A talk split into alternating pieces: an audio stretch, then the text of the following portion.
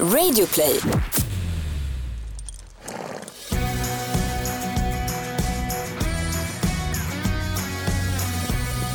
Hej, det här är podcasten Ridklubben och jag heter Gry Forssell. Och jag heter Rebecka Lagin. Och så har vi med oss lilla Agnes. Hur gammal är hon nu? Agnes är fem månader nu. Ah. Tiden går så fort och jag har inte tävlat än. Alltså jag är så tävlingssugen. så nu i mellandagarna har jag faktiskt bokat in en, eh, jag ska åka och träna för Sylve i två dagar, som är lite så här eh, kick-off, ah, vad roligt. uppstartsgrej så att vi liksom kickar igång det nya året. Gud vad kul. För det här, det här är bara ett litet specialavsnitt. Vi vill bara säga hejsan svejsan så här inför jul och nyår så att vi tar gör ett litet uppehåll Precis. och så kommer vi tillbaka med nya avsnitt och nya gäster i januari Ja. så fort vi kan. Men det var det jag skulle fråga. Du åker alltså på träningsläger med Sylve? Ja. Vad kul. Var då någonstans? I Rekasta, där i Enköping, där han, hans gamla gård som då, Ah. han och Ivan sålde, dit ska jag åka. Så det känns jätteroligt. Jag känner att jag behöver en liten boost. Ja. Eh, och någon som, han är bra på att peppa mig och ja, piska på mig lite och vända lite snävare och rida lite fortare. ja. Ehm, och sen så sitter jag faktiskt nu och håller på att planera tävlingsåret 2020. Hur ser det ut då? Jo men det är bra. Eh, jag ska försöka, vi åker utomlands i slutet på februari.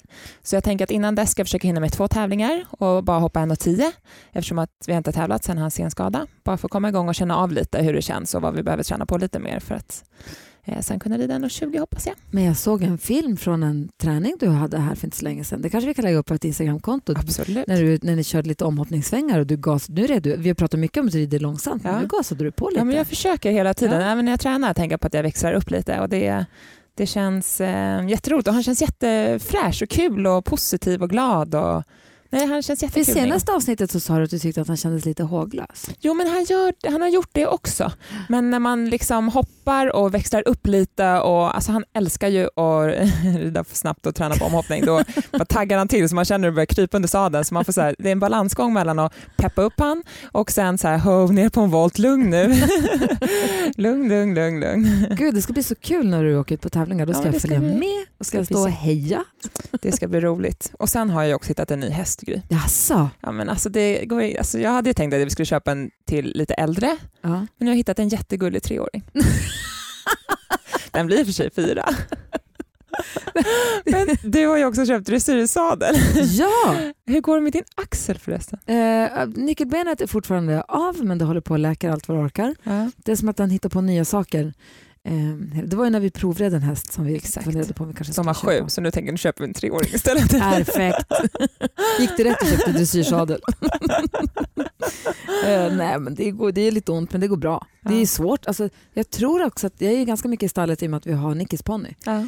Och då blir det att man håller på, även om Nicky gör allt höll jag på att säga. Ja. Så jag hjälper till, man leder lite eller donar Ja, lite eller precis. longerade häromdagen. Och, så man håller på. Jag tror att det är bra att just den här typen av skada tror jag är bra att man pushar lite och Mm. använder lite för mycket kanske. Mm. Inbillar jag- det är min egna teori i Ja. alla fall.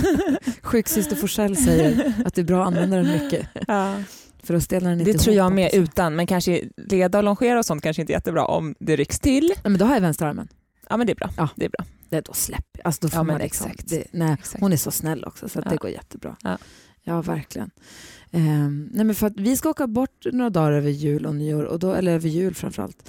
Um, så då vet jag inte riktigt, då kanske vår ponny får ta det lite, för det är lite, man har lite olika ehm, sätt att lägga upp det här med julloven. Antingen ska man ju alltså på att träna, verkligen ta tillfället i akt och köra julkurser och precis. träna. Eller så kanske man låter hästarna ta lite piano. Ja. Vad förespråkar du? Och det där är så himla olika, men jag förespråkar, jag brukar låta Neo ta det lugnt ungefär var åttonde, var sjätte till var åttonde vecka. Eh, och då inte stillastående utan ut och haga och gärna leda honom den veckan så att han ändå får mycket rörelse och att man Ja. umgås från marken då istället. Eh, dels för att om det är någonting eller då kan de få återhämta sig lite. Eh, och sen när de är äldre så mår de oftast inte bra av att ställas av helt och hållet. Nej. Så jag förespråkar, det beror lite, man får känna av hur ofta sin häst behöver lite återhämtning och hur länge. Vissa hästar räcker det med tre dagar lite oftare och andra hästar kanske behöver en hel vecka Ja. och lite mer sällan. Så det beror på om julen kommer på en sån vecka. Ja. Eller inte. Och sen kan man ju såklart skjuta på det lite och försöka anpassa om man ska åka bort. Eh, om man inte vill att någon annan ska rida eller passa på att hästen får vila då så kan man ju passa på att lägga det då. Ja. Ja, vi tar jullov i alla fall. Ja, Oavsett. inte jag. Jag ska rida som bara den. Jag tänkte på podden. ja, podden den får vila lite. Så är vi tillbaka igen i januari med som sagt med nya gäster och nya avsnitt. Och igen, tack snälla både Högs och Scanbio för att ni är med och gör att vi får göra den här podden, för vi tycker det är jättekul. Ja, Och kul att ni lyssnar hörni. Kom ihåg nu, passa på under jullovet. Backa upp, det finns massa avsnitt från i våras. Ja. Lyssna igenom från de gamla avsnitten också med Malin Bajard och med Kajsa Boström och med Och allihopa. Bratt. Då. Ja. Det finns och många Nina härliga. Rademacher som nu har Ja. egen podd Jag snart. vet. Ja, eller om den har dragit igång, jag vet inte riktigt. Nej men här är detsamma. Nej, jag vet inte heller. Det är kul. Ja men jätteroligt. Jag på den Vanessa. Ja, just det. Eh, ha en god jul och ett gott nytt år som tomten brukar säga. Ho, Ho, ho, ho. ho.